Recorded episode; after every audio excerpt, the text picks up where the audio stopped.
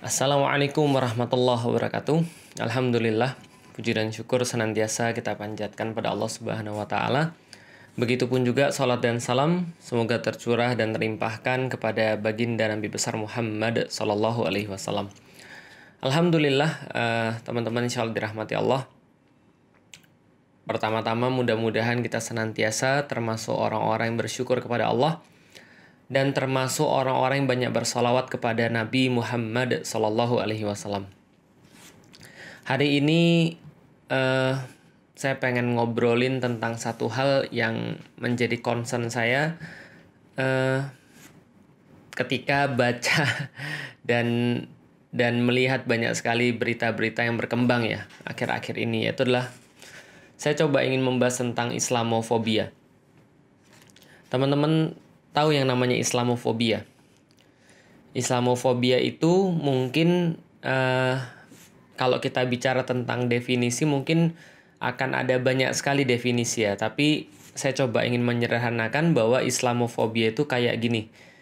Pernah nggak teman-teman dengar misalnya kalau ada orang bilang, e, udah deh jangan ngomongin tentang Islam deh, kita ngomong yang lain aja atau Islam tuh biasa-biasa aja, nggak usah ekstrim-ekstrim, nggak usah terlalu terlalu fanatik, nggak usah terlalu uh, soleh banget, biasa aja Islam itu. Atau bahkan kata-kata yang lebih ekstrim daripada itu. Misalnya seperti kata-kata uh, emang perlu ya kerudungan, emang perlu ya kerudungan panjang. Itu kayaknya udah mabuk agama deh. Nah, misalnya kayak gitu-gitu. Jadi Islamofobia itu adalah satu penyakit, penyakit mental, cara pandang yang dia itu sudah ngejudge bahwa Islam itu jelek. Islam itu buruk dan akhirnya dia menjadi takut dengan keadaan Islam itu sendiri. Makanya namanya Islamofobia. Dan kata-kata term Islamofobia ini adalah term yang baru muncul secara luas itu terutama semenjak 2011 eh sorry 2001 semenjak adanya itu apa namanya pesawat nabrak ke 911 lalu kemudian di situlah peristiwa terorisme itu kemudian dimulai war on terrorism dimulai dan akhirnya Islam tuh dianggap sebagai biang daripada masalah terorisme. Maka mulailah uh, Islamofobia ini muncul baik dari segi ucapan baik dari segi perbuatan atau bahkan pemikiran-pemikiran. Misal, orang ketika ngelihat orang muslim nggak suka, langsung dipukul di Amerika. Dilempari dengan minuman, minu, uh, kaleng minuman. Diludahi juga ada. Bahkan mereka menerima siksaan-siksaan fisik dan seterusnya. Karena dianggap bahwa orang muslim lah yang menginisiasi terorisme. Jadi orang tuh jadi takut dengan Islam. Mereka punya satu pandangan-pandangan yang salah tentang Islam karena framing-framing yang mereka dapat pada saat itu Islam itu kejam, Islam itu ngeri, Islam itu sadis, Islam itu tukang bunuh orang, Islam itu pasti nggak bisa get along dengan yang lain, Islam itu nggak akan toleran, mau memaksakan kehendaknya sendiri, uh, memperbudak perempuan, menyebarkan agama dengan pedang. Nah sehingga kalau ada Islam di lingkungan kita ini nggak bagus. Itu yang coba mereka sampaikan dengan yang namanya Islamofobia. Dan ternyata kalau kita lihat sekarang-sekarang ini, kalau saya yang lihat ya, ya oke okay lah. Namanya orang-orang yang tidak paham tentang Islam yang mereka belum banyak tahu tentang Islam yang mereka belum banyak mendapatkan referensi-referensi baik tentang Islam itu kita masih bisa untuk mentolerir masih bisa untuk memahami. Kenapa sih dia bisa jadi benci bisa jadi nggak suka bisa jadi nggak nyaman dengan yang namanya Islam? Ya karena itulah yang mereka terima referensinya. Dan saya justru merasa saya bersalah. Kenapa? Karena saya nggak bisa mengantarkan referensi itu pada mereka sebelum mereka mendapatkan referensi yang salah. Harusnya kan saya dong sebagai seorang muslim yang menjadi agen-agen muslim yang mereka tahu gitu loh maksudnya. Ketika kita berlaku baik kepada mereka, ketika kita menyampaikan Islam yang benar pada mereka sebelum framing-framing tentang Islam itu muncul, toh mereka juga pasti tidak akan pernah berpikir seperti itu. Artinya ya kalau ada yang bukan muslim lantas kemudian Islamofobia karena mereka punya media, mereka punya referensi yang memang memframing Islam seperti itu yang mungkin masih wajar dan mungkin masih biasa. Kenapa? Karena memang ya mereka tidak mendapatkan cukup referensi dan kita belum bisa untuk menyampaikan referensi-referensi yang benar tentang Islam. Akan tetapi ada juga di antara orang muslim yang juga Islamofobia. Ada di antara orang muslim juga yang mereka juga merasa bahwa uh, keberadaan Islam itu mengancam mereka keberadaan Islam itu kayak kayak sesuatu yang buruk bagi mereka. Nah ini yang kemudian menurut saya agak nggak wajar. Kenapa agak nggak wajar? Ya karena mereka harusnya ngerti dong tentang Islam gitu kan ya. Ya walaupun ya balik lagi lah. Islamofobia itu sebenarnya juga bukan pertama kalinya tahun 2001. Tapi bisa kalau kita mau trace lagi ya dari awal-awal ketika ya perang salib gitu ya. Ketika perang salib itu pun dimulai karena adanya informasi-informasi yang informasi-informasi itu juga tidak tepat tentang Islam, tidak precise tentang Islam. Nah, karena itulah mereka mendapatkan informasi yang nggak pas itu, akhirnya mereka punya kesimpulan sendiri tentang Islam dan tentu saja kesimpulannya itu adalah bukan kesimpulan yang benar, bukan kesimpulan yang pas kalau saatnya kita bahas tentang Islamofobia, ini mungkin bukan yang pertama-tama pada tahun 2001 ketika kasusnya WTC itu. Tapi mungkin ini sudah dimulai ketika Perang Salib, ketika tahun 1095 itu. Ketika juga Islam dicitrakan jelek, lalu kemudian mereka tahunya Islam itu buruk, Islam itu jahat, Islam itu membenci Kristen, Islam itu membunuhi orang-orang Kristen di Palestina misalnya, atau Islam itu suka nyayur dan ngesopin anak-anak misalnya ya wajar ketika mereka kemudian punya pandangan buruk tentang Islam. Walaupun kita tidak bahas ya. Yang kita bahas tadi adalah Islamofobia kalau memang ini ada pada orang-orang selain muslim, saya secara pribadi lebih menganggap itulah tanggung jawab saya untuk lebih meluaskan Islam. Artinya saya belum cukup banyak untuk mendakwakan Islam pada mereka. Yang susah ini teman-teman sekalian kalau ada orang muslim yang Islamofobia. Lah, kenapa ada orang muslim yang Islamofobia? Itu juga yang saya bingung.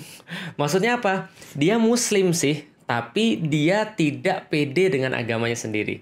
Tapi dia takut dengan agamanya sendiri. Bahkan dia sering kali kemudian membuat orang-orang itu juga menganggap bahwa seolah-olah ya agamanya ini yang bermasalah. Misal, uh, saya tadi juga baru dikasih tahu sama orang tentang ada orang yang membuat film, orang-orang muslim membuat film, membuat tulisan yang malah kontraproduktif dengan Islam. Ini kan sedih banget kan ya. Artinya sama-sama orang muslim, tapi karena dia Islamofobia, dia menganggap bahwa Islam inilah yang menjadi sumber masalah di negeri. Mereka sebut Islam radikal. Mereka sebut Islam ekstrim. Mereka sebut kadal gurun dan segala macamnya. Padahal kalau kita lihat, apa sih yang sebenarnya bisa membuat orang muslim itu justru jadi takut dengan agamanya sendiri. Ini yang kita kemudian jadi mikir. Saya coba sedikit flashback ya teman-teman sekalian ya. Saya lahir bukan dalam keadaan Islam. Saya dibesarkan dalam keadaan uh, bukan muslim. Dan jujur saya hidup dalam Islamofobia. Saya ngelihat orang muslim tuh merasa nggak enak. Saya ngelihat orang muslim tuh kayak ngelihat orang-orang yang jahat.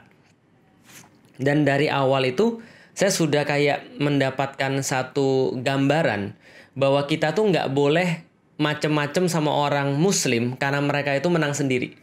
Dan kita nggak akan bisa menang melawan mereka karena mereka itu mau-maunya sendiri, suka-sukanya sendiri. Uh, itu yang saya dapat. Artinya kalau misalnya ada orang Islam yang jahat, ya memang sudah seharusnya. Dan kita sebagai orang yang waras ngalah aja lah.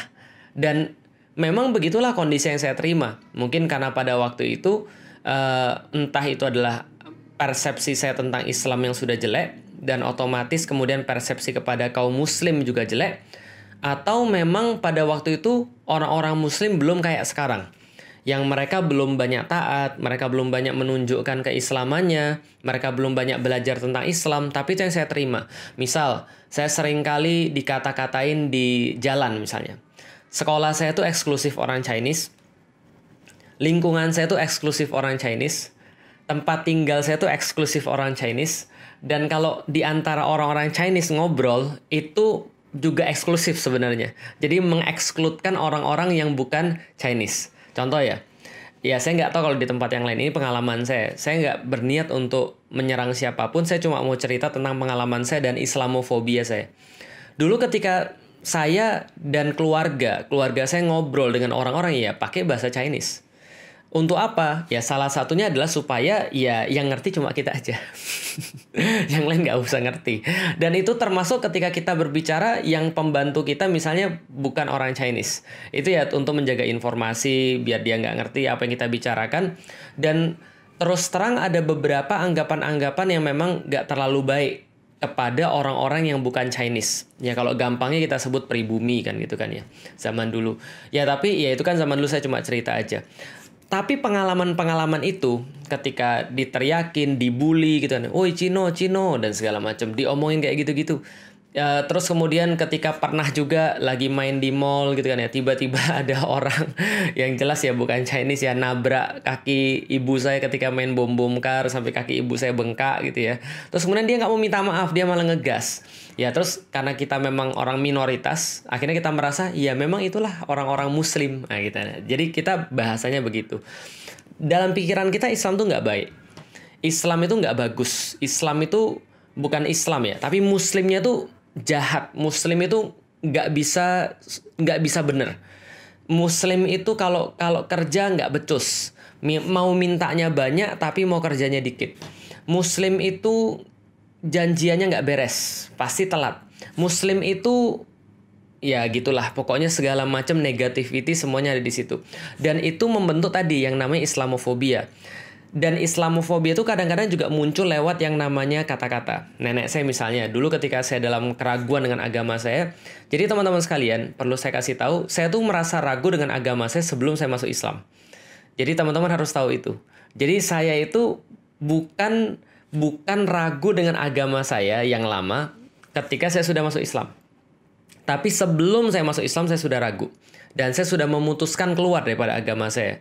Artinya kalaupun saya sekarang punya pandangan, ketika pandangan saya terhadap agama saya itu begini, begini, begini, begini, ya itu adalah pandangan saya sebelum saya masuk Islam. Paham ya? Jadi itu bahkan belum tahu tentang Islam sama sekali.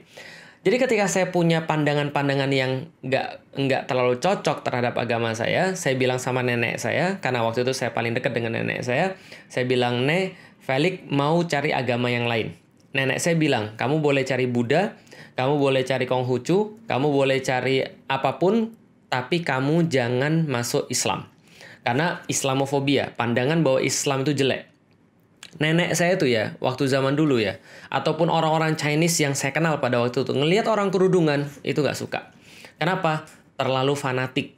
Mereka itu terlalu, ya kalau bahasa zaman sekarang, mabuk agama.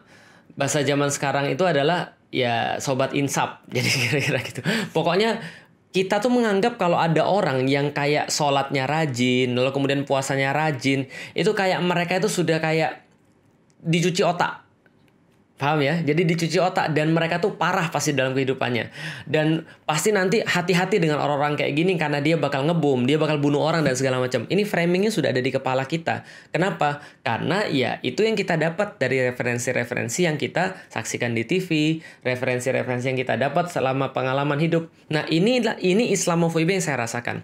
Maka wajar saya tuh selalu walaupun saya punya teman-teman Muslim dan gak banyak, saya tetap lebih nyaman untuk berteman dengan orang-orang Muslim. Eh, sorry, dengan orang-orang Chinese. Kenapa? Karena saya punya Islamofobia. Yang lucunya adalah selama saya tuh menjadi seorang Chinese, saya tidak pernah merasa Chinese phobia. Bahkan sampai detik ini saya nggak pernah merasa Chinese phobia. Mau dihina, mau dikata-katain dan segala macam bodoh amat. Saya nggak pernah merasa Chinese phobia. Dan selama saya dulu beragama Katolik, itu nggak pernah ada cerita orang-orang Katolik phobia. Itu nggak ada. Jadi sesama Katolik terus bilang, hati-hati ya, kalau ada orang Katolik yang lain, dari paroki yang lain misalnya, lalu yang ngomong kayak gini-gini, hati-hati itu adalah orang mabuk agama. Itu adalah orang-orang ekstremis, itu adalah orang-orang radikalis, nggak pernah ada. Dengan kata lain, orang Kristen nggak ada yang Kristen fobia. Orang Chinese nggak ada yang Chinese fobia. Orang-orang Buddha, saya nggak pernah lihat ada yang Buddha fobia tuh. Tapi orang Muslim ada yang Islamofobia yang mereka menganggap bahwa cuma praktek mereka sendiri yang benar dan mereka menganggap praktek orang lain salah diekstrim-ekstrimkan, diradikal-radikalkan. Dan lucunya mereka mengambil kata-kata bahwa kami melakukan ini karena toleransi. Lucu banget. Mereka bisa pergi ke tempat ibadah orang lain, tapi mereka bahkan tidak bisa untuk menerima saudaranya sendiri untuk bertamu ke rumahnya. Mereka bisa untuk menerima orang lain yang nggak pakai penutup aurat. Mereka bisa duduk satu frame dengan yang pakai rok mini, dengan yang kemudian pakai belahan dadanya kelihatan. Tapi mereka sama sekali nggak bisa nerima dan bahkan mereka buat tayangan-tayangan yang menunjukkan kebencian terhadap cadar. Mereka nggak suka banget dengan orang-orang berpakaian hitam-hitam, berpakaian panjang. Lucu banget ketika mereka itu bisa menerima pernyataan-pernyataan daripada orang-orang beragama lain yang mereka bilang ini adalah toleransi, ini kebebasan berpendapat. Mereka bisa bahkan untuk mendengarkan orang-orang Yahudi ngomongin mereka dan ngajarin mereka. Tapi mereka bahkan nggak bisa untuk bertepo seliro, bertenggang rasa terhadap perbedaan pendapat yang tertulis dalam kitab fikih. Ini sangat lucu. Mereka merasa bahwasanya ketika ada orang mengangkat bendera la ilaha illallah Muhammadur Rasulullah, itu langsung diposisikan sebagai musuh negara, musuh merah putih. Di saat yang sama, mereka masih bisa melihat orang mengibarkan bendera Israel yang nyata-nyata mencaplok dan merampok wilayah mereka. Ini toleransi macam apa? Ini tenggang rasa macam apa? Yang kadang-kadang menurut saya, ya ini omong kosong itu maksudnya. Artinya ya ini saya nggak bisa paham Islamofobia Islamofobia kayak gini. Ngelihat orang yang kerudungan, cadaran merasa bahwa itu radikal. Ngelihat ada orang bicara tentang khilafah, oh ini pasti adalah ekstremis, pengen menjadikan Indonesia sebagai Suriah. Lihat orang kemudian bicara tentang sesuatu yang nggak sepaham dengan dia, dia kemudian ngamuk-ngamuk marah-marah. Lihat ada orang memberikan kajian atau bukunya dipakai sebagai pembelajaran ngamuk. Nah, ini ini orang-orang kayak gini yang yang sekali lagi senantiasa bersembunyi di balik toleransi omong kosong. E, sebenarnya yang terjadi pada mereka adalah mereka Islamofobia. Bahkan mereka tidak tidak segan-segan, mereka tidak e, tidak ragu-ragu, mereka tidak mereka tidak apa ya? Tidak ya tidak inilah tidak ragu, tidak merasa aneh, tidak merasa salah ketika langsung mengamini kata-kata orang kalau Islam itu punya, kalau terorisme itu punya agama, maka agamanya adalah Islam. Yang kayak gini-gini yang kemudian kita sampaikan. Islamofobia di kalangan orang muslim ini jauh lebih berbahaya. Kenapa? Karena seolah-olah mereka punya legitimasi. Kalau ada orang yang bukan muslim, kemudian mengatakan, jangan mau dibohongi oleh Al-Quran. Itu orang orang pasti marah, orang Islam pasti marah. Tapi kalau ada kiai yang ngomong kayak gitu, kalau ada orang Muslim yang ngomong kayak gitu, lah ini yang kita sampaikan. Ini susahnya. Dan balik lagi, kenapa sih ini bisa kejadian kayak gini? Ya, walau bisa saya saya nggak ngerti apa yang bisa apa yang bisa kita simpulkan. Tapi kok saya merasa gini ya, saya itu setiap hari, setiap hari itu senantiasa senantiasa mengulik hati, senantiasa berintrospeksi. Jangan-jangan selama ini kita itu berjuang bukan untuk Islam. Tapi sebenarnya kita berjuang untuk diri kita sendiri. Sebenarnya kita itu bukan mencintai Islam, tapi jangan-jangan kita itu mencintai diri kita sendiri. Apa kemudian tanda-tandanya? Saya tuh takut banget ketika kemudian saya merasa bahwa ketika saya disinggung, itu saya merasa lebih marah daripada ketika Islam disinggung. Cuman untuk supaya melegitimasi seolah-olah nggak gitu ya saya tinggal bilang aja saya itu bukan marah ketika saya disinggung tapi Islam disinggung. Karena pendapat ini adalah pendapat Islam. Sebenarnya sih pendapat saya tapi supaya ada pembenaran saya bilang ini pendapatnya Islam sehingga saya tersinggung. Yang terjadi kan sekarang kan gitu kan ya. Ada orang-orang kemudian merasa paling toleran, merasa paling NKRI, merasa paling Pancasila, terus memaksakan pendapat dia tentang Islam. Dan orang nggak boleh punya pendapat yang lain. Dan kalau orang punya pendapat yang lain, dia bilang itu bukan Islam yang nu yang benar, bukan Islam Nusantara, tapi itu Islam radikal, itu Islam ekstrim dan Islam segala macamnya. Akhirnya apa yang mereka lakukan? Ini Islamnya bukan Islam yang benar, dia layak masuk penjara. Dia layak kemudian untuk ditolak, dia layak untuk dipersekusi, dia layak untuk dibully, dia layak untuk kemudian dicaci maki karena dia tidak sama dengan kita. Lalu di mana toleransi yang kemudian disampaikan? Padahal yang lucunya tadi terhadap agama lain mereka bisa sangat sangat sangat sangat lemah lembut, bertepos seliro, bermujamalah, bermanis muka, bahkan kemudian makan bareng, bahkan kemudian wah pokoknya luar biasa deh pokoknya. Nah ini yang kemudian kita sampaikan. Kenapa sih bisa gitu? Kalau saya, saya senantiasa berintrospeksi tadi. Jangan-jangan saya ini merasa bahwa saya tuh mewakili Islam sehingga ketika saya merasa saya mewakili Islam, kalau ada orang nggak suka dengan saya, berarti orang nggak suka dengan Islam. Padahal orang tuh cuma nggak suka dengan saya, bukan nggak suka dengan Islam. Orang tuh sebenarnya nggak suka sama kelakuanmu aja. bukan nggak suka sama Islamnya itu maksudnya cuma kelakuanmu aja atau kelakuanku aja gitu maksudnya itu yang pertama yang kedua saya berintrospeksi jangan-jangan saya punya rasa hasad terhadap kaum muslimin apa itu hasad Hasad itu adalah sesuatu yang terjadi pada saudara-saudaranya Yusuf ketika Yusuf itu mereka merasa lebih diperhatikan daripada daripada mereka. Bapaknya lebih sayang Yusuf. Siapa yang membisikkan hal-hal kayak gini? Syaiton.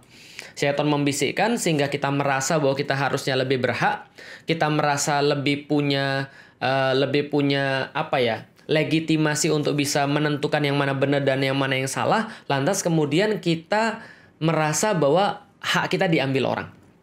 Kita merasa paling NKRI, sehingga kita merasa bahwa cuma kitalah yang bisa mempertahankan NKRI dan cuma kitalah yang berbuat paling bagus untuk NKRI. Selain itu kita harus kemudian habisi.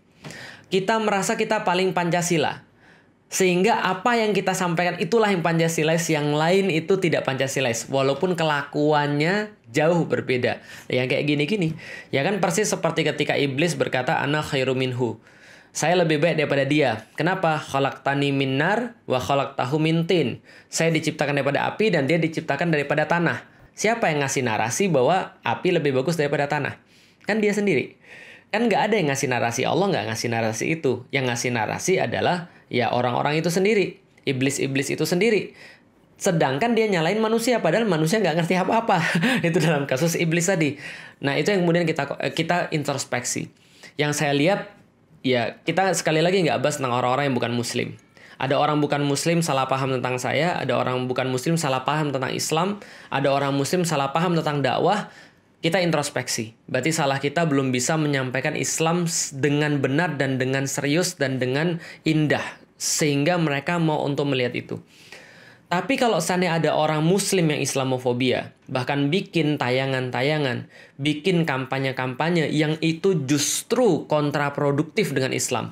Mempermainkan kata takbir, lalu kemudian menulis dengan take beer gitu kan ya, take a beer dan segala macam. Padahal dia muslim dan dia mengolok-olok seolah-olah dia itu merasa bahwa Islam inilah yang membuat masalah. Itu yang kemudian saya khawatirkan. Dan kalau saya melihat lagi, selain hasad dan juga selain daripada orang itu merasa bahwa dia itu mewakili Islam, ada satu lagi. Ada orang-orang yang memang benci dengan Islam. Ada orang-orang yang memang gak suka dengan Islam. Mereka sebenarnya tidak pernah untuk bersungguh-sungguh beriman pada Allah, tapi mereka menyusup masuk ke dalam barisan-barisan kaum muslimin. Mereka kemudian ada seolah-olah mereka adalah muslim, tapi sebenarnya mereka sedang mengolok-olok Islam. Allah sampaikan di dalam surat Al-Baqarah keadaan orang-orang kayak begini. Wa minan nasi mayyaqulu amanna billahi wa bil yaumil akhiri wa. Di antara kalian itu ada manusia-manusia yang mereka senantiasa bertindak seolah-olah seperti orang beriman, tapi kelakuan-kelakuan mereka itu bukan kelakuan orang beriman. Perkataan-perkataan mereka itu bukan perkataan-perkataan yang harusnya diucapkan oleh orang beriman. Membakar bendera tauhid, lalu kemudian menganggap bendera tauhid itu bendera teroris, lalu seolah-olah membenturkan antara Islam dengan negara. Kalau kita mau berislam kita nggak bisa bernegara.